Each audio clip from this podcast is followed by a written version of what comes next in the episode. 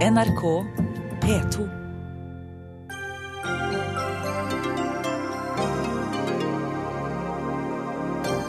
Senterpartiet snur om tiggeforbud. De er ikke til å stole på, anklager Frp. Vi er ikke regjeringas støtteparti, svarer Marit Arnstad.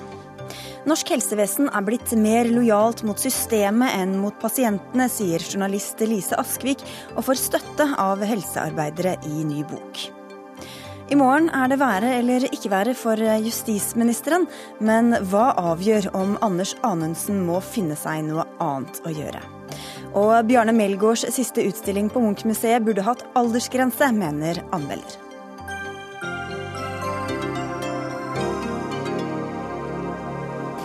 Dette er noen av sakene vi skal innom den neste timen her i Dagsnytt 18 i NRK P2 og NRK2 med Sigrid Solund i studio. Avtalebrudd det er Fremskrittspartiets karakterisering av Senterpartiets helomvending i tiggesaken. For i dag sa Senterpartiets stortingsgruppe nei til å støtte regjeringas forslag om et nasjonalt tiggeforbud. Få timer seinere ble forslaget trukket, fordi det dermed ikke er flertall for det i Stortinget. Harald Tom Nesvik, du er parlamentarisk leder i Frp. Hvordan vil du si at Senterpartiet har handlet i denne saken? Nei, Jeg syns man har opptrådt svært uryddig. Fordi at ditt lovforslaget som man holdt på å jobbe med nå, er jo bl.a. etter en avtale som regjeringspartiene inngikk nettopp med Senterpartiet. Senterpartiet var jo tidlig ute med dette, så det skal de jo ha honnør for. Allerede da de satt i regjering, så gikk de jo ut mot sine egne regjeringskollegaer gjennom justispolitisk talsmann Jenny Klinge og, ville ha dette forbudet, men da så fikk man nei. Så fikk man på plass en avtale i juni i fjor juni. og Slik at uh, man, man, skulle jobbe videre med å få på plass et nasjonalt tiggerforbud. Og så plutselig får vi beskjed i dag at nei, det gjelder ikke lenger. Det syns jeg er dårlig håndtert og dårlig håndverk. Ja, Marit Arnstad, du er parlamentarisk leder i Senterpartiet. Dårlig håndverk, dårlig håndtert og ikke til å stole på. Hva svarer du til det?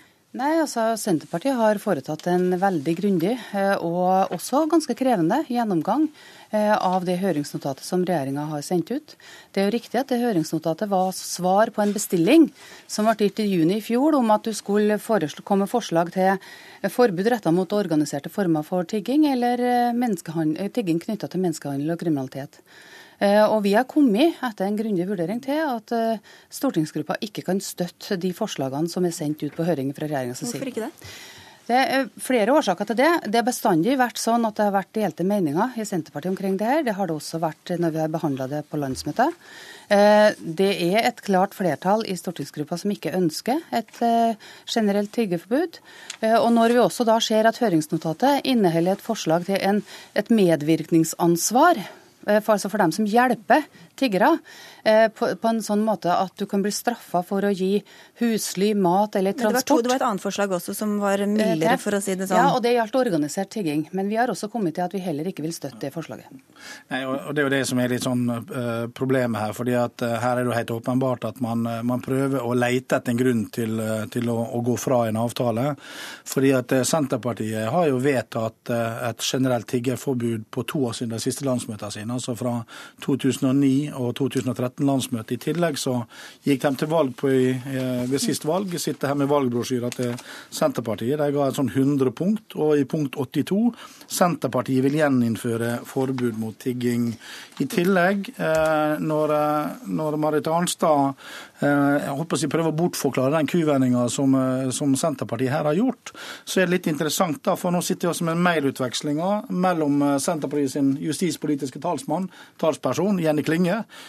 og justispolitisk talsmann i Fremskrittspartiet, Ulf Leirstein, der de faktisk hadde avtalt et møte neste uke for å gå gjennom disse tingene. For vi sier vi er åpne for å diskutere alt her, vi, for å komme frem til disse tingene her. Og da er det litt spesielt at man da gjør denne vendinga som man gjør uten å ta hensyn til de avtaler man har inngått. Ingenting. Marit Arnstad, Hvor ryddig er det av dere å først bestille dette lovverket, og så avvise det før dere i det hele tatt går i dialog med regjeringa om hvordan det skal se ut? For det første så syns jeg jo det at det er naturlig når du har bestilt et uh, forslag til regelverk, at du også da får mulighet til å gjennomgå regelverket, og det har vi gjort gjennom høringsnotatet. Og så syns jo jeg at det er riktig og nødvendig av Senterpartiets gruppe å gå eh, i dybden på diskusjonen vil vi gå inn for det her eller ikke. Men hvorfor hadde dere vedtatt det på landsmøtet og i partiprogrammet at dere ville ha det, og så når det kommer til stykket, så jo, sier dere vi, nei? Altså, vi erkjenner jo at vi har et punkt i programmet, i likhet med Høyre og i likhet med Frp, om tiggeforbud.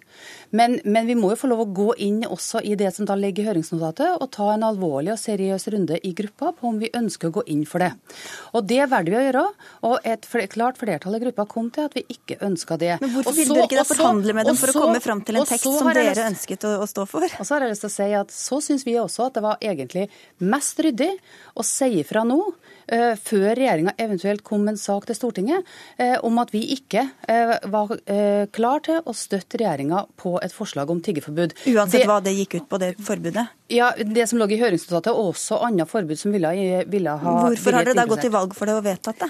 Fordi det er delte meninger i partiet, og fordi vi er åpne på det. Og fordi at dette har vært en veldig krevende sak, og fordi det er et klart flertall i stortingsgruppa som er imot et generelt tiggeforbud. Men hvorfor skal stortingsgruppa overprøve landsmøtet og partiprogrammet? Altså, Stortingsgruppa har et ansvar for å gå nøye gjennom de forslagene som er sendt ut på høring, og det som ligger til behandling. Og vi syns at i stedet for at denne prosessen skal gå videre, at regjeringa skal legge fram ting for Stortinget som det er langt fra sikkert at de kunne ha fått flertall for, så mener vi at det var ryddigst av oss å si ifra eh, med det samme. Og så vet regjeringa også hva de har å forholde seg til. Hvorfor, hvorfor gikk dere ikke til Senterpartiet før dere sendte ut dette høringsforslaget? Jo, for det var et svar på en bestilling som Stortinget ga. Men dere kunne jo vist ja, dem teksten og så spurt om jo, det Men det var nettopp derfor at man skulle ha den diskusjonen, for det er jo det en høring er. Det er jo nettopp høring er for å få innspill til det som man legger frem, og så vil høringsuttalelsene det er det som danner grunnlaget for eventuelt eh, å utarbeide et lovforslag, og var det arbeidet som man var i gang med. Og så sent som altså i går klokka 17.12 så avtalte altså uh, Jenny Klinge, justispolitisk talsperson i Senterpartiet, et møte med Ulf Leirstein, justispolitisk talsperson i Fremskrittspartiet. Uh, så, så, det vitner jo om en, en, prosess som er ganske utrolig her. og det er klart det at uh, men, nei, ja, men det kan Arnstad svare Hvorfor, hvorfor har det begynt å forhandle? Så... Nei, det her, det her er dialogen som måtte ha vært mellom Jenny Klinge og Ulf Leirstein, anser jeg som en normal dialog mellom komitémedlemmer i en komité. Men det har, ikke på vegne av partiet som så å gjøre med gruppa, det har jo ingenting å gjøre med gruppas egentlige behandling av saken. Men det er jo et forsøk fra Frp selvsagt på å prøve å sverte i klinge. og Det må de jo, altså det, det syns jeg jo er litt sørgelig.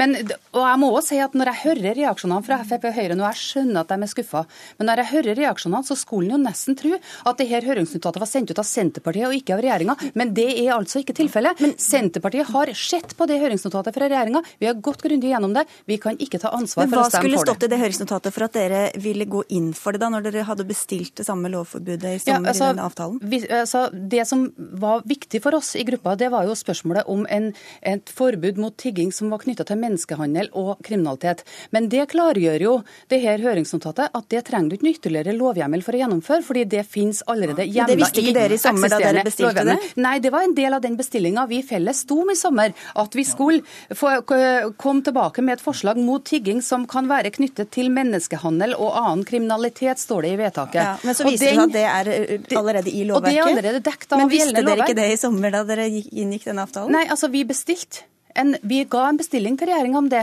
Høyre og Frp og Senterpartiet til sammen. Og Svaret på den bestillinga har vi fått. og den Svaret er at det er ikke nødvendig med noe ytterligere lovregulering av det. Og da er det heller ikke for, formålstjenlig å stemme noe forbud knytta til det. Og Det er vel bare sunt å ta, tenke seg om to ganger, Nesvik? Ja, bare for å si det med en gang, det er ikke for å sverte eh, justispolitisk talsperson Jenny Klinge. Jeg, jeg, er stor, ja, jeg har stor sans for henne som justispolitiker og gjør en, en god jobb. Så ingenting med det å gjøre. Det har med hvilken troverdighet som Senterpartiet står igjen med her, etter to landsmøtevedtak, etter å gå til valg på, på dette punktet, etter at regjeringa da leverer, etter en invitasjon til og med, til å kunne diskutere disse tingene her nå, eh, da begynner denne saken å komme i et merkverdig lys. og Det er helt åpenbart at eh, det er grunn til å stille spørsmål hva er egentlig grunnen til, til Senterpartiet her. og når det tillegg oss man sitter hvor, viktig, men jeg altså, hvor viktig var det at det liksom ble veldig upopulært mottatt, eh, dette, Marit Arnstad? Altså, det har bestandig vært delte meninger i Senterpartiet om det dette. Det har vært en krevende debatt. Vi har foretatt en ansvarlig og seriøs gjennomgang. Men det ble skreket opp veldig om dette her i går. Hvor viktig var det for hva dere falt ned på i går? Da, og vi, har hatt, vi har også hatt mange dypt, dypt bekymra partimedlemmer som har henvendt seg til oss. Det er klart vi har hatt det. Eh, men det som jo er poenget her, er at Senterpartiets gruppe har selvsagt mulighet til å foreta en selvstendig vurdering av det her. Vi er ikke noe støtteparti for regjeringa. Vi har ingen samarbeidsavtale med regjeringa. Vi har tatt et standpunkt. Og, det, og det er ansvarlig. Og det er så interessant også at man oppfører seg også som sitt eget landsmøte, nettopp sitter til pynt. fordi at Jeg trodde man til og med kunne i hvert fall stole på når landsmøtet til Senterpartiet treffer beslutning, men her står altså Senterpartiets stortingsgruppe over. Det opplever jeg bare som ren retorikk fra nei, men, en person som er parlamentarisk leder i et parti som har lovt hele befolkningen å sende Krekar ut av landet, og så sitter de her og klager på andre parti og vårt forhold til landsmøtet. Hva annet program er det vi kan se bort ifra da, Marit Arnstad? Jeg har sagt at dette har vært en vanskelig sak for partiet. Det har vært delte meninger på landsmøtet, det har vært delte meninger i gruppa, men det er et klart flertall i gruppa som ikke kan tiltre de forslagene som er lagt inn i høringsforslaget fra regjeringen. Men hva annet i programmet og landsmøtets er det man kan se bort fra da? Hvilke av de andre hundre punktene som nå ikke gjelder? Altså, det, det, er jo et spørsmål du kan stille like gjerne til Harald Tom Nesvik som sitter her, som det du kan gjøre det med. Ja, men, men altså, jeg eh, mener at vi, vi, Selvsagt tar vi vårt program alvorlig, men vi har også et ansvar i gruppa for å vurdere de høringsforslagene som ligger fra regjeringa, og som eventuelt kan komme til sak til Stortinget. Jo, men eh, Nå spurte Marit Arnstad tidligere i dag da, om, eh, det var, om, om, det var en måte man kunne finne frem til da, nettopp for å få på plass det forslaget. Og det sier Marit Arnstad tidligere i dag. Nei, det var ikke aktuelt uansett. De var imot uh, sitt eget forslag om nasjonalt tiggerforbud. Og bakgrunnen er veldig glad for at det kommunale er på plass. Det er veldig fint. Uh, men det var som et av premissene til Senterpartiet for å være med på det, var jo nettopp at man skulle komme med et nasjonalt uh, tiggerforbud. Det sa man etter den debatten, gang på gang. Og det er klart at Senterpartiet er aldeles ute å kjøre denne saken. Men det er dem som skal stå til ansvar for sine velgere. Det er ikke det som skal gjøre. Her må Marit Arnstad bare sørge for å få gjort det. Helt, helt kort. Så må vi egentlig konkludere med at det ikke er så veldig stort grunnlag for Senterpartiet, Frp og Høyre til å sette seg ned og diskutere denne saken framover. Nei, det ser ikke ut til at det blir så god stemning framover der. Vi får bare si fra at det lokale eh, er på plass, altså. Og byrådslederen i Oslo, Stian Berger Østland, sier også at de må se på et lokalt forbud på nytt nå når det nasjonale uteblir. Så det kan jo bli eh, flere behandlinger rundt om eh, i Norge. Takk skal dere ha, begge to, for at dere kom til Dagsnytt 18. Dagsnytt 18 alle hverdager kl 18.00 på NRK P2 og NRK2. Er norsk helsevesen mer opptatt av eh, systemet enn av pasientene? Den konklusjonen kan det være fristende å trekke etter å ha lest eh, Helsesviket en bok der 17 sykepleiere, leger, fysioterapeuter, psykiatere og andre helsearbeidere beskriver hverdagen sin og bekymringene de har for norske helsetjenester. Det er du som har bedt dem skrive, Lisa Skvik. Du er programleder i P4 og også egne erfaringer fra helsevesenet, bl.a. fra da du fikk brystkreft. Hva vil du si er de gjennomgående bekymringene og advarslene fra bidragsyterne i denne boka? Ja, her er det mange som sier den samme saken, men fra hver sin vinkel. og Det handler om at vi har et system som kommer i veien for pasientpleien, i stedet for at vi har et system som hjelper de helseansatte å utøve den helsepleien som pasientene trenger. Jeg pleier å si at Det virker som vi har et system nå som tilbyr så mye, og så har vi pasientmassen som trenger så mye. Og det gapet imellom her er det de helseansatte som forstrekker seg for at disse to partene skal møte hverandre. Og dagens situasjon er ganske uholdbar i mange deler av helsetjenesten. Ikke overalt, men i stadig flere. Det er jo du som har bedt dem om å skrive skrive. Jeg vet ikke om du har vært på utkikk etter de mest kritiske røstene. Hvor representativ vil du si at eh, denne boka er? Vet du hva, Det er veldig tilfeldig hvem som ble valgt ut. Flesteparten av dem har jeg ikke engang møtt ansikt til ansikt. Og nesten alle jeg spurte om de hadde lyst til å være med og skrive et bidrag om hvordan det sto til på jobben deres, med henblikk på hva som er forbedringspotensialet. Nesten alle kasta seg over og sa ja, fordi at de har så mye på hjertet, og det er så veldig mye som skurrer. Så jeg tror de opplevde at det var godt å få en, eh, en arena hvor de kan si det som det er. En av dem som har skrevet er deg, Jo Inge Myhrer. Du er lege på Lovisenberg eh, i eh, Oslo. Du er anonym i boka, men eh, her står du fram. Og du beskriver en hverdag der du ikke føler at du får tid til pasientene, eller at situasjonen deres blir sett helhetlig. Hvordan merker dere dette på hverdagen? Altså, jeg tror jo litt av problemstillingen som Lise sier, er at det, på mange måter så, så har vi et, et helsevesen som fungerer godt, men jeg føler ofte noe av det som gjør at det fungerer godt, er at helsepersonellet strekker seg veldig langt, og at det er mange som er slitne. Fordi at eh, som pasient så vil du bli sett. Altså du vil at hele deg skal bli sett og bli møtt, og at eh, vi som helsepersonell kommuniserer og kan gi deg et helhetlig tilbud og svare på de spørsmålene du har, men det er det ikke alltid tilfellet. Og det er jo ofte at en føler at vi vil jo vi vil behandle pasienter som vi vil behandle våre egne, men det er ikke alltid det tid å strekke til, og det er frustrerende. Ja, for Du sier også at eh, helsevesenet er sydd sammen, eh, skrudd sammen i en tid som er helt annerledes, med helt andre behov enn det vi har i dag som pasienter. Hva tenker du på da? Nei, jeg tenker det at når før, og det er ikke lenge siden, så var det du kunne tilby når du kom på sykehus, det var i seng og sove i, det var mat, og det var pleie. Det var ikke nødvendigvis du kunne få medisinsk behandling. I dag kan vi behandle kjempemasse, og folk feiler flere forskjellige ting. Og det var ikke lagd for at vi skal møte den kompleksiteten i det hele tatt. Ja, For vi blir eldre også, vi blir eldre, og vi får sammensatte lidelser. Mm. Ja. Torgeir Micaelsen, du er helsepolitisk talsperson for Arbeiderpartiet. Hvor treffende vil du si denne beskrivelsen er? Jeg synes at det er eh, treffende på flere hold, men eh, jeg synes nok at eh, Lise Askvik som redaktør og andre strekker det litt for langt. Fordi det er mange historier, som også jeg hører, hver uke, nesten hver uke i studier og diskuterer ting som ikke fungerer i norsk helsetjeneste. Men hovedblikket er jo, som jeg er glad også legen her sier, er jo at vi scorer veldig høyt. Pasientene er ganske fornøyd. Eh, sammenligner man med andre land, så ligger vi høyt oppe på skalaen. Det skal vi jo gjøre. Vi er et av verdens rikeste land. Det skulle bare mangle.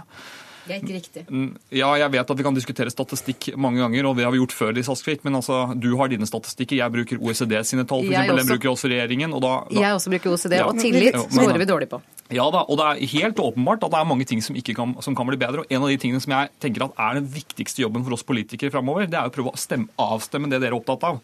På den ene siden har inntrykk av at noen i helsetjenesten mener at vi skal gå i den ene, det jeg kaller grøfta, der alt skal overlates til hver enkelt behandler.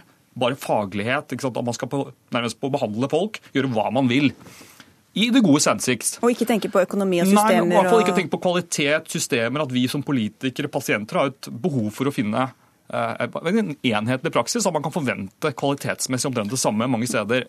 Det er det ene ytterpunktet. Det andre ytterpunktet er det som jeg tror mange i tjenesten opplever litt i dag, at det er ja, Lise kaller det sånn New Public Management. Det er mye skjemaer, det er mye byråkrati, pengene rår. Det er det andre ytterpunktet. Og Der kan det hende at vi har vært til tider, og kanskje fortsatt er. Ja, for det er mange som peker på sykehusreformen. altså når du sier New ja, Public Management. Ja, og jeg antar det er derfor jeg er også invitert til studio siden regjeringen ikke er her, at vi får da forsvare det. Regjeringen er jo her litt, da. Ja, det er sant. Ja. Nei, og det er litt av kritikken, og den har jo forandret seg veldig siden 2001, den måten vi styrer sykehusene på, men hovedtrekkene er fortsatt i bunn. Og da tenker jeg vi må finne et sted midt imellom, der vi tør å si at det må være et form for system. Vi må ha noen krav, men at det skal være større rom for å utøve faget sitt i møte mellom pasient og ja, behandler. Du skal få slippe til, Lisa, hvis vi skal få inn deg også her, eh, regjeringen, holdt jeg på å si. Kari Kjønaas Kjos fra Fremskrittspartiet, du sitter også i helse- og omsorgs omsorgskomiteen. Og dere var også for denne sykehusreformen i sin tid, som altså innførte mer butikktenking på en måte i, i sykehusvesenet. Flere systemer, mer kontroll, annen, et annet eierforhold, helse, nasjonale helseforetak. Ja, altså, Hvor gikk det galt, vil du si? etter nei, men altså, Hovedtanken var jo å få dette på et statlig nivå, sånn at eh, vi skulle behandle flere pasienter, og at det skulle bli mer likt tilbud uh, uavhengig av hvilken adresse du hadde. Og det har vi jo uh, oppnådd. Så på det området var reformen vellykket. Men så har det jo da uh, gjennom årene blitt et voldsomt byråkrati. Vi har de regionale helseforetakene som, som, vi ikke har vært fornøyd med hvordan det fungerer og har derfor gått til valg på at vi vil, eh, vil fjerne det. Eh, det ble fredet i eh, de foregående åtte år, men nå er det bare Arbeiderpartiet som eh, står igjen og forsvarer de regionale helseforetakene. sånn at det, kommer til å bli endringer uansett. Men Hvor mye løser det å liksom bare fjerne de helseforetakene, hvis det er en kultur eller et system som liksom er fra øverst til nederst? på en måte? Nei, men det er jo poenget at uh, dette er så stort og komplekst. Det er så veldig mange ting som vi må gjøre for oss å få sykehusene på rett kjøl. Og jeg, som nær pårørende, så har jeg også vært på innsiden av sykehus og sett det nært. Og da ser jeg at det er systemet det er noe galt med, men at det er de ansatte som redder at vi faktisk står igjen med følelse av at vi har et godt helsevesen. Og Derfor har vi nå fra dag én når vi tiltrådte regjering, bare snakket om at vi skal ha pasienten i fokus framfor systemet. Arbeiderpartiet vil alltid forsvare systemet. Vi kommer til å forsvare pasienten. Og Hvis vi ser på dette med pasientens øyne, så er det helt klart at vi må gjøre en hel rekke endringer, og det har vi startet med. Men ja, litt så for Det er mange gjennomgående tema her. At mm. det er måte, økonomene som styrer, og ikke fagfolkene som styrer osv. Mm. Men jeg syns jo dialogen i dag begynner å bli en litt annen, og det er jeg veldig veldig glad for. For det, det, er jo ikke jeg som trekker det langt. Du kan godt si at jeg er bare ei lita journalistmegge, og det har du helt rett i. Nei, det har jeg aldri så, sagt. Nei, nei, men jeg kan si det. Jeg kan si det. Så min stemme tenker var så viktig. Men nettopp grunnen til at jeg ville skrive, skrive Helsesviket, er for at her har du 17 ansatte fra innsiden. De vet. Du kommer ikke forbi så ulike mennesker fra alle helseregioner, fra ulike diagnoser. For deres virke virkelighetsbeskrivelse er som Kari sier, det er et system hvor økonomien er mye mer i fokus enn pasienten. Sånn at eh, dette dokumentet er bare et uttrykk for noen, men vi trekker det ikke langt. Dette er en helt reell virkelighetsbeskrivelse, og jeg tror faktisk de fleste som har skrevet brevet, har vært litt forsiktige. Vi slipper Myhrer før Michaelsen. Men det er jo litt òg det at eh, jeg uttaler meg bare på vegne av meg sjøl når, når, jeg skriver boken. Men litt av problemet òg med tanke på system og kompleksiteten, og en kan snakke om skyttergravskriger, men problemet er jo ofte at politisk ledelse og byråkratiet har Der er ingen tillit. Altså Det har vært en veldig top down approach veldig veldig lenge. Og når det kommer forslag som kan være gode, så er det klart at det, når det kommer så mange, og vi, tenker, altså, og vi ser at veldig lite kanskje ikke er gjennomførbart, kanskje noe altså det, er ikke, altså det er ikke rom til å jobbe med alle de tingene som, som en skal gjøre. og det er klart Når den tilliten vekker, så blir det òg veldig vanskelig å omstille seg hele veien. Og, og det er det der med å, å, se helheten. Jeg tenker det, jeg ble utdanna i 2012. Jeg følte at utdannelsen min gjorde meg forberedt til et helsevesen anno 1992 eller 1982. Den står ikke i samsvar til sånn som det er i dag. Og det er litt ofte det en savner òg i en del av debattene, er at det, den virkelighetsoppfatningen som vi har, virker det ikke som at dere deler i det hele tatt. Og det er slitsomt. Altså. Hvor god innsikt har dere i det som skjer på gulvet i korridorene? Altså, det kan man jo alltid diskutere, men altså, igjen, jeg gjentar, vi snakker med helsepersonell hver eneste dag. Eh, vi møter debatter om dette hver uke, og vi leser ganske mye om hvordan det står til. Og vi møter pasientene og ansatte. Ja, i det så det er ikke bare helsebyråkratene dere lytter til? Nei, altså når det gjelder helsebyråkratene, så har jo det est ut etter at Fremskrittspartiet kom inn i regjering. Så det viser jo bare hvor vanskelig dette her er. Jo, men det ble ansatt 162 flere i fjor, så jeg vet ikke hvor, hvor frisk man skulle gå i det, men det er en helt sidespor her. Ja, fordi Det er så komplekst og stort. Hvor skal man begynne? Hva skal man ja, gjøre? Altså, jeg mener jo at han er inne på noe. Altså, jeg mener at Det er en kritikk vi skal ta på alvor. At det har i mange år vært en for liksom, ovenfra nedstyring av norske sykehus. Og at det for liten grad har vært rom for at si, faglig gode innspill flytter oppover og ikke bare at det kommer ting nedover. Men da må vi ha et nytt system. Nei, jeg er ikke nødvendigvis enig i det at det nødvendigvis trenger et nytt system. Det vi trenger er en ledelsesreform i norske ja, sykehus, der vi får på plass flere ledere som Per Bleikla på Ringerike, mm. eh, Diakonhjemmens ledere, altså andre som virkelig har forstått moderne ledelse. Serviceledelse. Eh, ja, i hvert fall å få det å lede kunnskapsintensive bedrifter, som egentlig dette er. Dette er jo noe av det mest avanserte som finnes i Norge, altså hvor disse jobber. Da skal du vite hva du driver med. Og jeg er helt overbevist om at alt er i vater her, og her har det veldig mye å gå på innenfor dagens system. Og til slutt, altså jeg hører at alle sier at vi skal endre system, men nå har altså Høie, som nå leder Helse-Norge, fredet den måten vi styrer Sykehus-Norge på ut denne stortingsperioden. Det er det vel byråkratene som har gjort, går Ja, men det er jo han som styrer butikken, i hvert fall. Ja, hvor, hvor, begynner dere da når, i dette altså, feltet? Det, altså det aller første vi gjorde, var jo også å sørge for eh, økonomisk vekst for sykehusene. Nå har vi på to budsjetter gitt en høyere vekst enn foregående åtte år til sammen.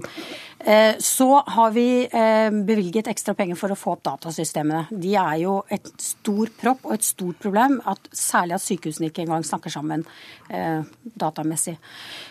Så er det jo underlig at når vi driver sykehus over hele landet med én eier, så har vi ikke hatt en nasjonal sykehusplan som ser på helheten. Det har vi jobbet for å få til gjennom åtte år. Blitt nedstemt og nedstemt og nedstemt. Den kommer til høsten og blir et viktig dokument for hvordan vi ønsker at sykehusene våre skal være. Så er det helt klart at ledelse er et, et helt essensielt spørsmål. Fordi vi ser at det er veldig store forskjeller. Til og med mellom avdelinger. Eh, og da eh, handler det om at de som er på gulvet, føler at de er med og eh, utvikler den avdelingen og de endringene og reformene som kommer. Og noen er veldig slitne av reformer og omlegginger og flyttinger av funksjoner. Og, og det forstår jeg veldig godt, men en, en sykehusplan tror jeg på større på et større nivå kan eh, si noe om fremtiden. Eh, men så til dette med de vi snakker sammen med. Altså Vi møter jo, det er jeg helt enig med Torgeir, vi møter på veldig mange som forteller oss om hverdagen. Jeg syns at det har vært et problem eh, under Arbeiderpartiet sine helseministre. For hver gang vi har tatt opp et problem, så har vi fått eh, som svar at eh, helseministeren har tillit til helseforetakene. Mm. Og Hvis det er det eneste svaret du får gjennom åtte år, så er det helt umulig å nå gjennom og prøve å gjøre noen endringer. Eh, og derfor, Det er kanskje derfor den motstanden mot helseforetakene har kommet. Fordi at de på en måte får litt sånn skylda for alt. ja, Michaelsen. Nei, Jeg er ikke så sikker på det. Jeg registrerer da at Arbeiderpartiet er fortsatt, og vi er åpne for å diskutere endringer, men det er ikke noen realistiske alternativ på bordet. Eh, det Skottland har klart det.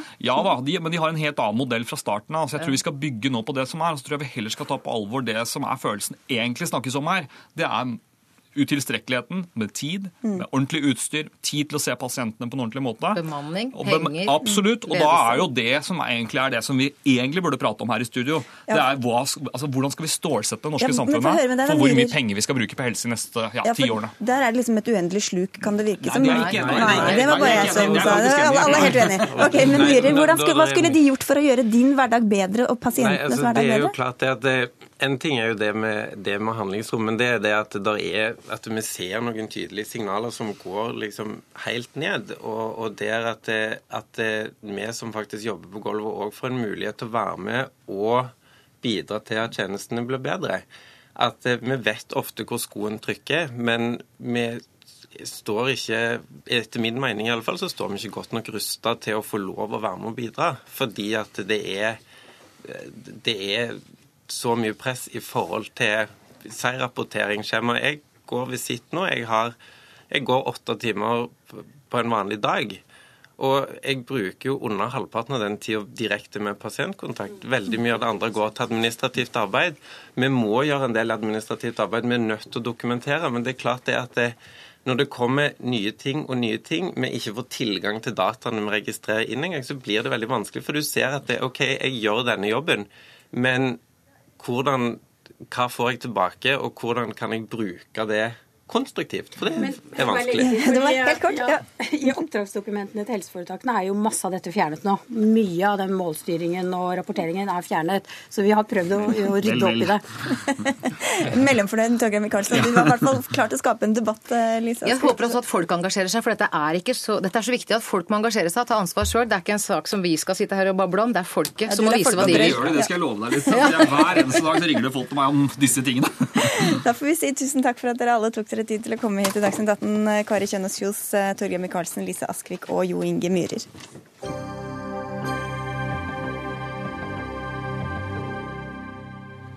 Mens regjeringa er i gang med arbeidet for å få færre kommuner, går Senterpartiet stikk motsatt vei. Partiet foreslår nemlig å dele opp Oslo i 15 småkommuner. Kristin Vinje, du er stortingsrepresentant for Høyre og tidligere finansbyråd i Oslo. Og Oslo ganger 15 må vel være en god idé for en som er glad i byen? Nei, For en som er glad i byen, så er dette et særdeles dårlig forslag. For noe av det som har gjort byen vår til en god by å bo i, det er at vi nettopp har hatt muligheten til å planlegge arealbruk, kollektivtrafikk, skole gjennom en litt større enhet enn det de fleste kommuner er. Så det syns jeg er et usedvanlig dårlig forslag. Og det har fått uh, litt sånn uh, slemme uttalelser fra dine partikolleger. Hvilket, uh, hva mener du dette forslaget sier om Senterpartiets engasjement og interesse for Oslo? Nei, jeg får lyst til å si, vet de egentlig hva de snakker om i denne saken? Fordi at Senterpartiet har ikke sittet i bystyret siden 1995. Eh, Og de som er glad i byen og kjenner Oslo, de, de er ganske stolte av byen sin sånn som den er. Det har skjedd en veldig positiv utvikling av byen vår i de siste årene. Eh, Vi har landets beste skole, vi har en fantastisk eh, kollektivtrafikk. Eh, Vi har en stor byutvikling, og disse tingene henger nettopp sammen med at vi kan se planleggingen i litt større sammenheng. Vet dere hva dere snakker om, Morten Edvardsen? Du er bystyrekandidat for Oslo Senterparti. Ja, i all- aller høyeste grad. Vi bor jo i eh, denne byen, vi også. Jeg tenker at istedenfor at eh, man bruker sånne flåsete karakteristikker om forslag på hvordan vi kan gjøre nærdemokratiet i Oslo bedre, så burde man da faktisk istedenfor være opptatt av å snakke om hvordan vi kan gjøre det. Eh, Og det gjør ikke Høyre verken i Kommunaldepartementet eller Høyre i Oslo. Man står altså klar til å rulle ut en av de aller største eh, kommunereformene i eh, Norges eh, historie, samtidig som man ikke er villig til å snakke om lokaldemokrati. Men hva skal vi med kommuner i stedet for bydeler, som vi allerede har, som er administrative enheter? Ja, Det kan gjerne være faktisk bydelene også, at vi styrker bydelene og flytter mer makt eh, over, lokalsamfunnene over lokalsamfunnene Så det er ikke så eh, farlig om det er kommuner allikevel? Nei det, nei, det trenger det jo ikke å være. Eh, Dette er et forslag som vi skal diskutere fram til, eh, fram til landsmøtet vårt. Eh, Hovedpoenget er jo at vi skal flytte makt til folk der folk bor.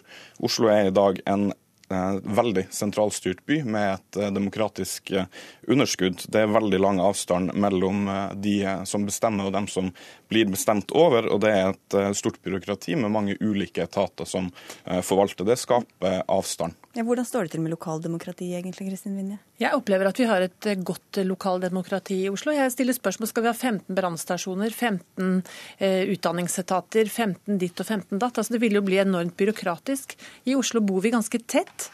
Eh, og det er ikke lange avstander. Og vi har eh, politikere fra hele byen representert i bystyret, og vi har også Eh, lokal eh, bydelsutvalg. Men Hvor mange i Oslo tror du føler at liksom, åh, kommunen, det er mitt hjerte banker for Oslo kommune? Jeg tror de fleste trives veldig godt i Oslo. De føler at ting fungerer. Altså, Vi har landets beste skole, som sagt. Vi har en fantastisk kollektivtrafikk. Altså, Folk trenger ikke å se på rutetidene lenger. Trikker og busser bare flyr av gårde.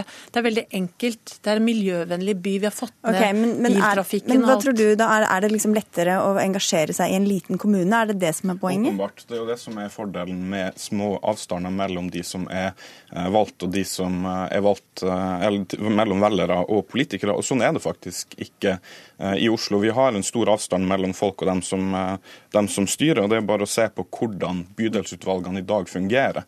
De er rene sandpåstrøingsorgan. De har stort sett kun mulighet til å bli orientert om sakene. Et eksempel på det er et av bydelsutvalgsmøtene i Sankthanshaugen i 2014, hvor de hadde 13 saker på eh, dagsorden. Tolv av dem var rene orienteringssaker fra, fra rådhuset, og så var det én sak eh, som var eh, revidering av statuettene for bydelen sin kulturpris. Og dette burde da, unnskyld, men ja. det, det, samme gjelder da f.eks. Bergen eller Trondheim og andre store byer, at der burde de også splitte opp, eller? De burde også, hvis de er interessert i det, gi eh, mer makt til eh, folk i sine lokalsamfunn til å videreutvikle dem. Og Det er det som er hele poenget vårt. at Hvis vi skal skape gode nærmiljøer i Oslo, ja, da må man faktisk gi folk muligheten til å styre. Eh, da må bydelsutvalgene få større budsjett og mer konkret makt over de midlene som de har til rådighet. Sånn er det ikke i dag. I dag kan Eh, bystyret og byrådet velger å delegere makt til bydelsutvalgene, men vi har sett konkret at etter at det ble direktevalg til bydelsutvalgene i 2007, så har Høyre systematisk fjerna makt eh, fra bydelsutvalgene, hva de kan bestemme over.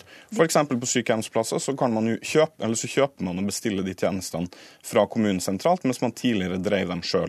Det vil vi at kommunene skal gjøre, eller bydelene skal kunne gjøre på egen hånd, og sånn styre mer, av sine egne tilbud. Mer makt ned til folk, altså, Kristin Vinje.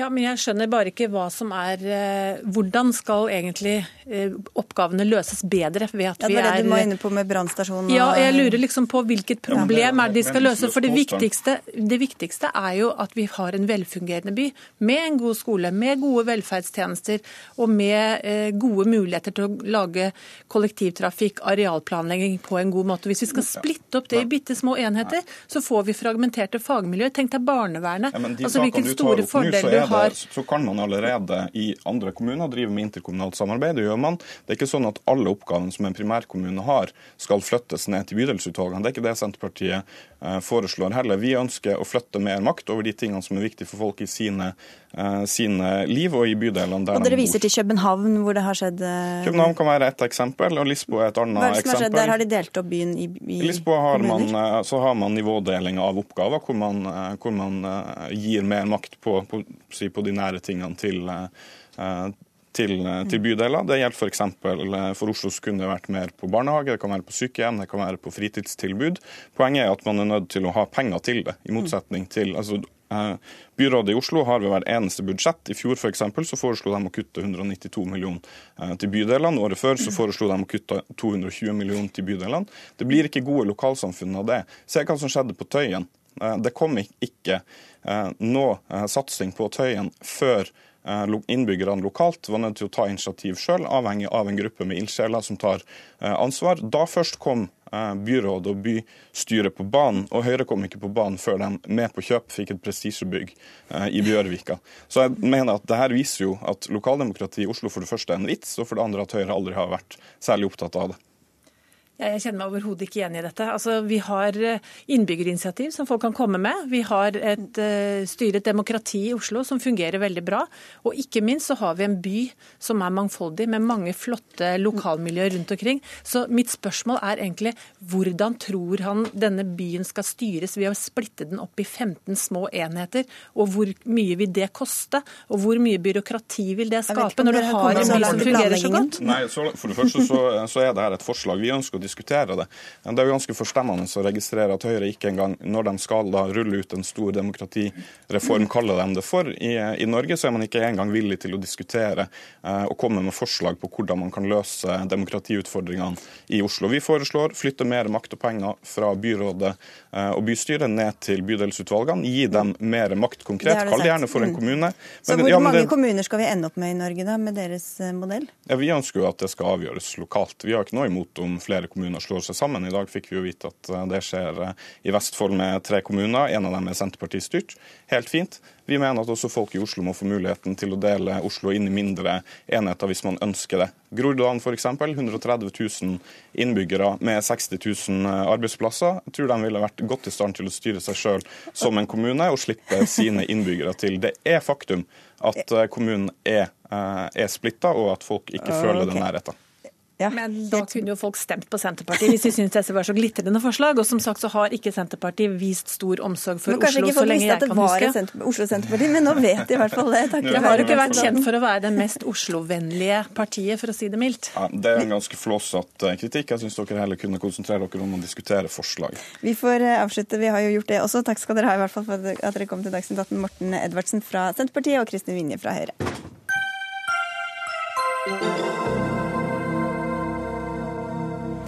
Den nordkoreanske Kim-familien må fjernes med makt, mener FNs hovedansvarlige for menneskerettigheter i Nord-Korea. Skal de 80 000-100 000 fangene i arbeidsleirene bli løslatt, er det mest effektivt om Kim-familien er avsatt, sier altså FN. Vladimir Tikhonov, du er professor i Øst-Asia-studier ved Universitetet i Oslo og har bodd flere år i Sør-Korea. Hvor realistisk er det å få denne familien fjernet fra makta? Dessverre, det er helt urealistisk. Absolutt urealistisk i det hele tatt, og jeg kan forklare hvorfor. Det finnes ikke noen andre pretendenter, det finnes ikke noen andre kandidater for makta i Nord-Korea. Politikken ble monopolisert av Kim-klanen allerede fra 50-tallene. På 50- og 60-tallene ble mest andre potensielle kandidater for makta allerede øh, fjerna fra det politiske horisonten. Nå er det absolutt urealistisk å forvente at noe slikt skal skje. Men hvor overraskende er det at FN tar til orde for Jeg vet ikke om hva de ser for seg skal skje hvis man skal avsette denne familien, men eh, hvor overraskende er det at de kommer med et sånt forslag? Helt menneskelig kan jeg forstå dem. Det er veldig frustrerende å handle med Nord-Korea. Et veldig lukket samfunn. Altså det er et samfunn som også på en måte oppfatter alle kommende fra såkalte Vesten som potensielle spioner, så lenge du ikke kan bevise motsatte. Så jeg kan forstå at de følte frustrasjon når de forsøkte å f.eks. sjekke situasjonen på bakken i Nord-Korea, sjekke hva virkelig skjer i fangeleirene og sånn. Og jeg kan føle, og jeg kan forstå at som konsekvensen av en slik frustrasjon kom de med slike uttalelser. Men som sagt, det er absolutt urealistisk å forvente at noe slikt skal skje i Nord-Korea. Og det er også urealistisk å forvente at noen kreftene ute fra kan på en måte påvirke Nord-Korea i denne retningen. Men ønsker folk i Nord-Korea et regimeskifte? Nei, jeg tror ikke det. Jeg, også de folk flest er født under Kim-dynastiet og kjenner ikke at noen annen regime er mulig i det hele tatt. Også når man snakker med nordkoreanske avhopperne i Kina eller Sør-Korea, nå snakker man med dem i privat. Snakker de at det de virkelig skulle ønske når de var i Nord-Korea, var å returere til Kim Il-sungs dager. Det vil si til Nord-Korea på 60-70-tallene, når man minst fikk rasjonert mat i sin helhet, og man fikk bedre rasjonering enn nå. Men, men, etter hvert som folk eh, måtte, ser da hvordan det er i andre land, og, de, og kan sammenligne bedre, ønsker de ikke da et, et, helt annet system enn å ha en diktator som og Dessverre er det ikke så mange i Nord-Korea som kan oppleve andre land. Nei. Det finnes ikke frihet nettopp å forlate landet. Og de som får lov til å komme ut og arbeide i Kina eller Russland, i stort sett akkurat blant de mest regimlojale. Så man må på en måte gå gjennom lojalitetstesten for å få lov å gå ut og returere. De som virkelig ønsker ikke å leve i Nord-Korea, de krysser jo elva Yalo Tuman, som har grensa med Kina. Også, og, da går, og da prøver de å komme seg til Sør-Korea gjennom Kina og andre land. Men finnes det ingen opposisjon som ønsker å overta makten heller i Nord-Korea? Nei også de siste figurene som potensielt kunne bli kandidater for makta, som kunne bli rivaler eller liksom konkurrenter til Kim-dynastiet, ble allerede fjernet på 50-60-tallene. Det finnes jo nok sterke figurer innom Kim-klanen også rundt Kim-klanen, men også den uh, sittende regimet også fjerner dem som potensielt kan være farlige. Ja, Han har tatt livet av familiemedlemmer. Nettopp. Ja. Det skjer med dem som oppfattes som potensielle utfordrende. Også på en måte regimet handler preventivt. Og men hva altså avhopperne forteller om, om fangeleirer? Vi har sett bilder eh, tatt fra lufta. Hva vet vi om situasjonen for folk i Nord-Korea? Også fangeleirene eksisterer dessverre, og det er dessverre også masse grusomheter som foregår der. Det er ikke noe tvil på det, siden det er flere av hopperne som sier det uavhengig fra hverandre. Men også det avhopperne sier offentlig, det offentlige sammenheng i Sør-Korea, og det de sier privat, er vanligvis ganske forskjellig. Også offentlig Sør-Korea er jo et stat, en stat som teknisk sett er i krig med Nord-Korea. Og det er ikke lov å si noe positivt om Nord-Korea i Sør-Korea. Det finnes nasjonalsikkerhetsloven, som egentlig forbyr å lovprise Nord-Korea. Så når de snakker om den nordkoreanske virkeligheten mens de er i Sør-Korea, da vanligvis også finner overdrivelsene sted.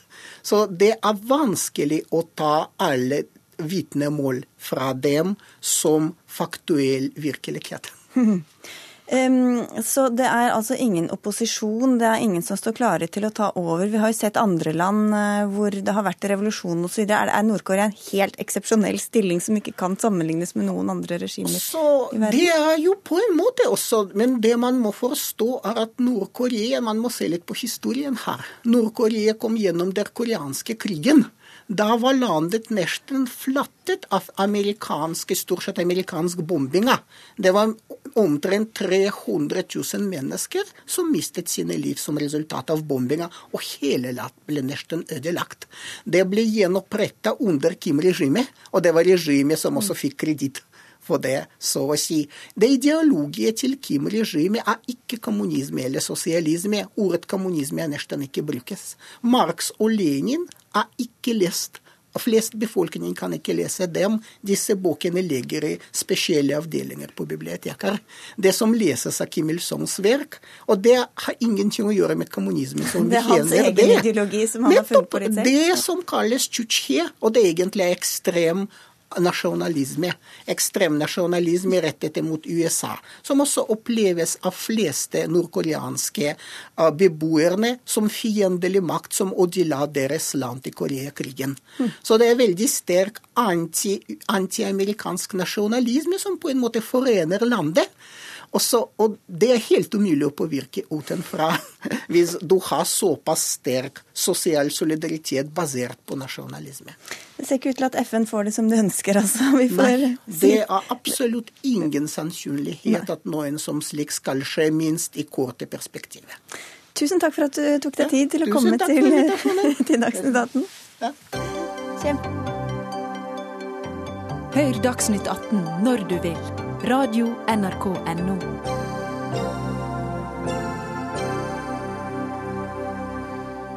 Det spørs om Anders Anundsen får sove særlig godt i natt. I morgen blir nemlig en særdeles viktig dag for justisministeren når han skal grilles om regjeringas asylpolitikk i Stortingets kontroll- og konstitusjonskomité. Og det kan komme til å koste ham vervet hvis det ender med mistillitsforslag. Er du spent på morgendagen, Arne Strand fra Dagsavisen? Det blir iallfall en veldig spennende høring. Kanskje eh, stortingssesjonens eh, virkelige høydepunkt. Anundsen kom jo til sin egen, iallfall til sin egen arena, for han var jo sjefsgriller i kontrollkomiteen i hele forrige, forrige, periode. Han kan triksene. Så dette ser vi veldig fram til. Oppgjøret mellom justisministeren og ikke minst komiteens leder Martin Kolberg. Du får det til å høres ut som en fotballkamp. Ja, men det er litt av det. Det er litt av det, og det er sjelden at du har den type debatter i Stortinget som du vil få i morgen. Stortingssalen passer nemlig ikke til, til slike oppgjør. Kontrollkomiteens høring høringer er, er, stedet. Så hvis du vil ha litt moro ved å gå i Stortinget og, og se hva som foregår, så skal du besøke kontrollkomiteen når de har viktige saker. En riktig festdag i morgen, altså, Lars Nehru Sand, politisk kommentator her i NRK. Anders Anundsen har fått kjeft fra flere hold, men det er ikke politikken som sådan som han skal uh, bli forhørt om i morgen, men det formelle. Hva er det han skal bli spurt om? Det fotballkampen handler om, er jo ikke den asylavtalen han har med Venstre og KrF, hvor vel de to samarbeidspartiene har gitt han gult kort for lenge siden. Eh, det handler heller ikke om asylpolitikken og hvor god den er, men det handler om han har feilinformert Stortinget eller ikke, da han uttalte seg om dette første gang i en spørretime i oktober. Og eh, etter at Bergens Tidende eh, begynte med, med, disse sakene, har det kommet frem opplysninger som kan tyde på at, at han har gjort det. I hvert fall sånn kritikerne leser det. Og Det er ganske viktig å skille på at det formelle i saken handler kun om hva han har sagt og lovt i Stortinget, om han har gitt Stortinget eh, riktig informasjon og, og dermed hans, eh, nei, hans eh, eh, gjerning som statsråd. Og Hva er det han har sagt i Stortinget som kan ha vært feil informasjon? Ja, Han har sagt at, eh, at det ikke uh, er sånn at det er barn som har vært her lenge som skal prioriteres, men barnefamilier generelt.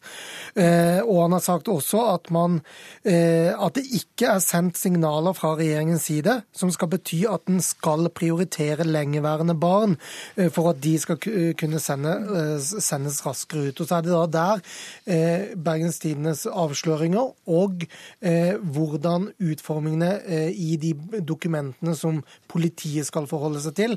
Eh, står opp mot dette utsagnet. Det er det som da danner eh, grunnlaget for høringen. Og nå har jo Anundsen selv forholdt seg i, i ro, holdt jeg på å si, ganske lenge. Vi har ikke sett den her i går, i hvert fall. Ikke, ikke her i dag heller. Men i morgen så har han jo da anledning, som Strand sier, til å komme hjem til sine egne i kontrollkomiteen. Og det er nok en arena som han selv også gleder seg til. Og da vil lette på sløret og legge frem fakta som vi kanskje kanskje ikke har hørt mens han har vært borte. Hva har hele denne saken gjort med forholdet til støttepartiene, og hva er det de ønsker å få ut av dette? Arne Strand? Dette har gjort forholdet til støttepartiene enda dårligere enn det det var eh, før asylbarnsaken kom opp.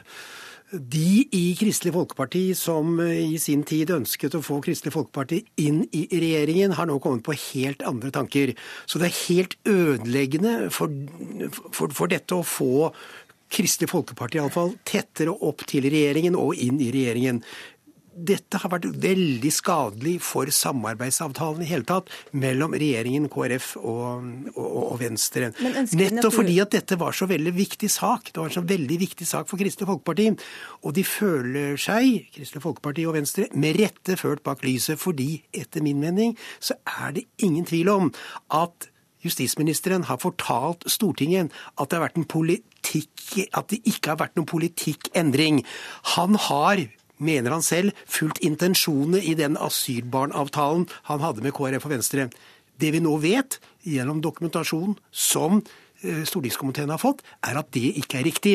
Han har ikke fulgt opp intensjonen i den avtalen, og slik sett så har han etter min mening feilinformert Stortinget.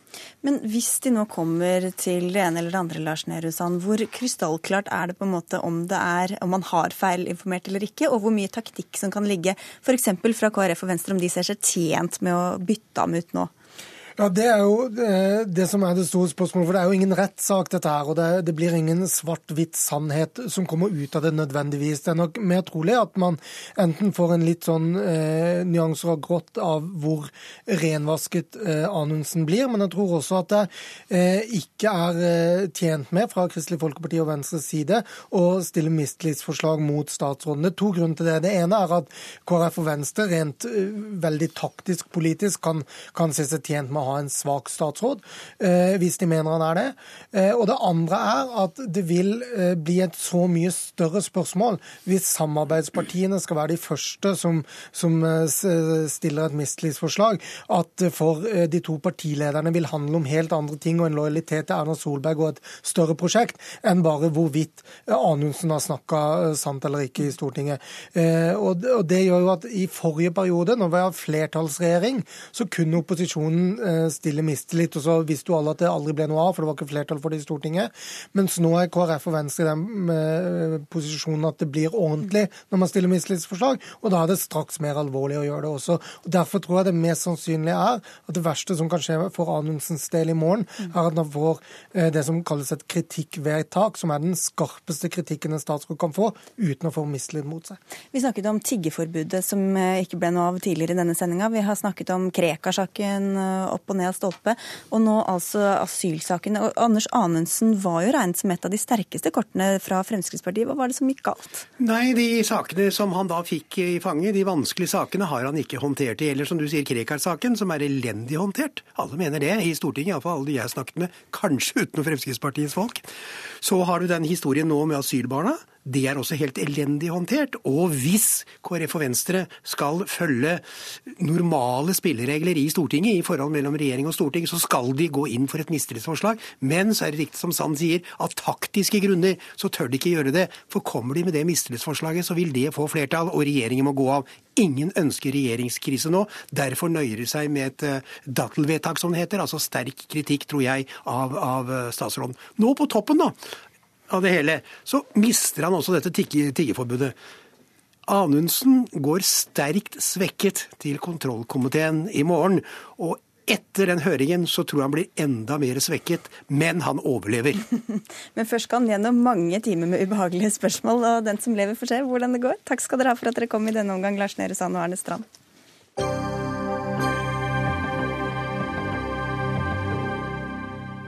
Utstillinga Munch pluss Melgaard på Munch-museet i Oslo er eh, så dårlig egnet for barn at den godt kunne hatt aldersgrense.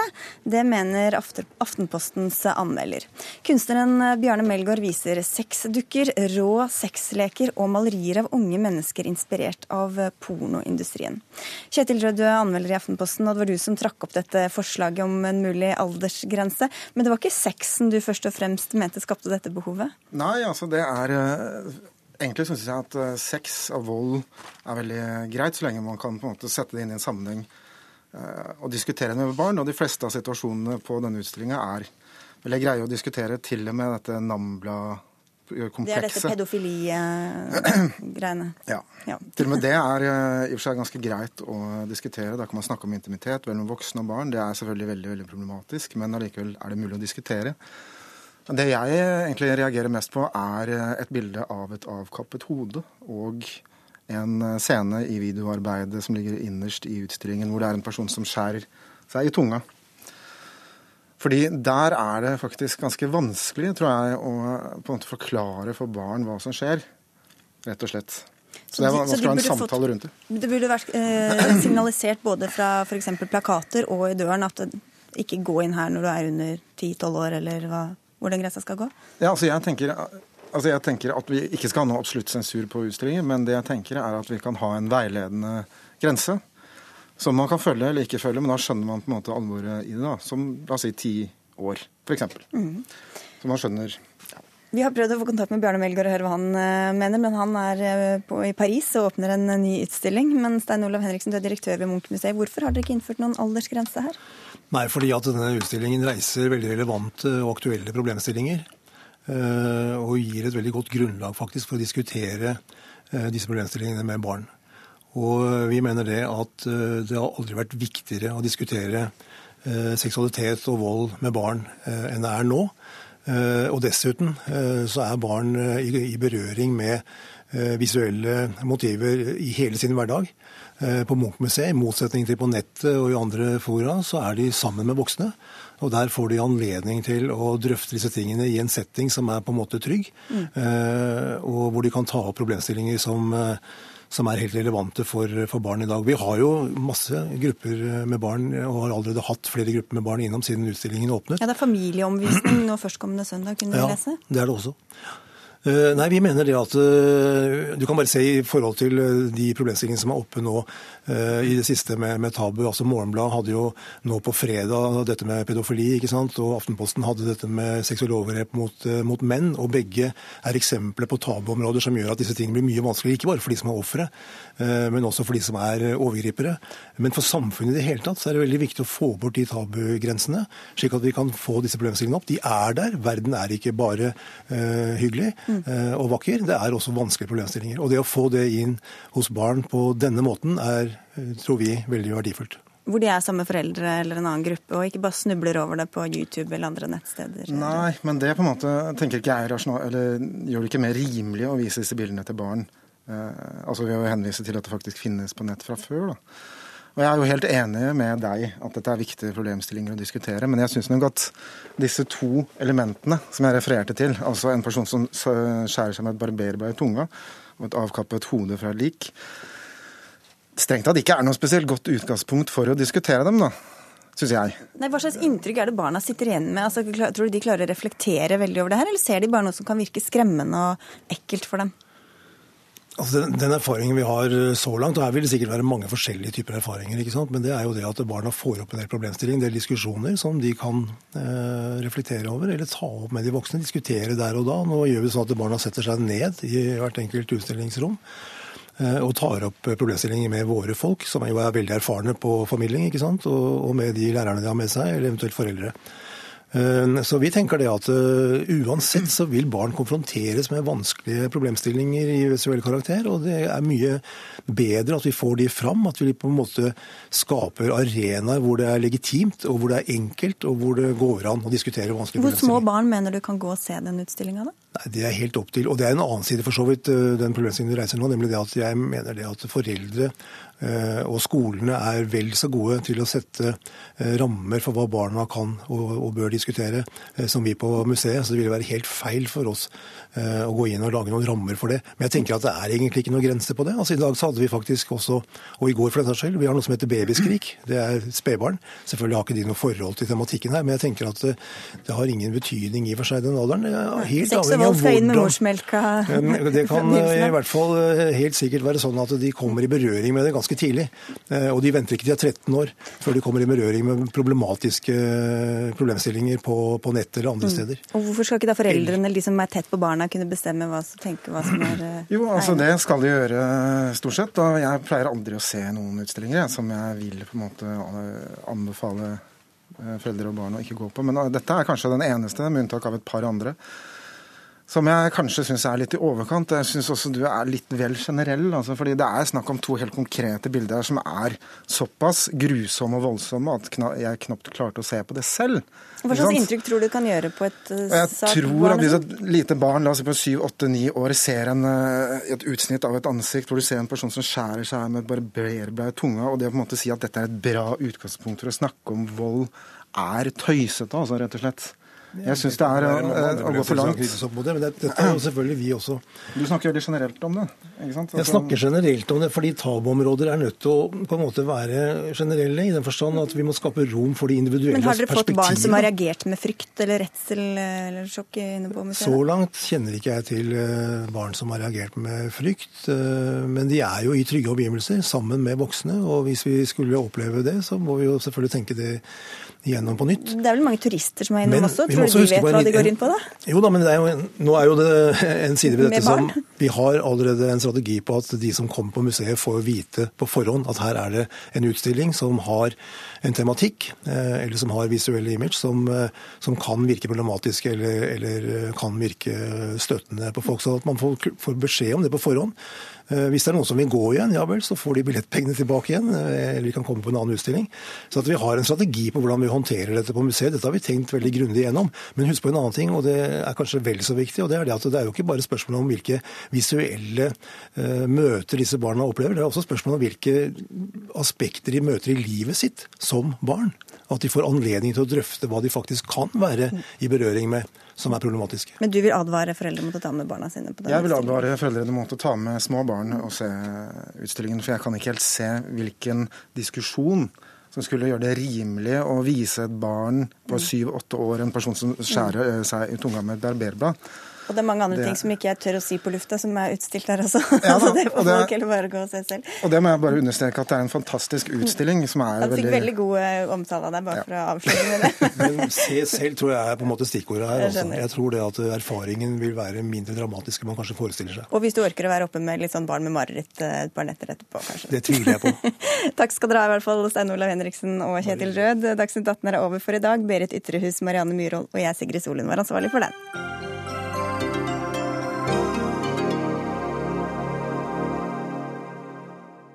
Hør flere podkaster på nrk.no podkast.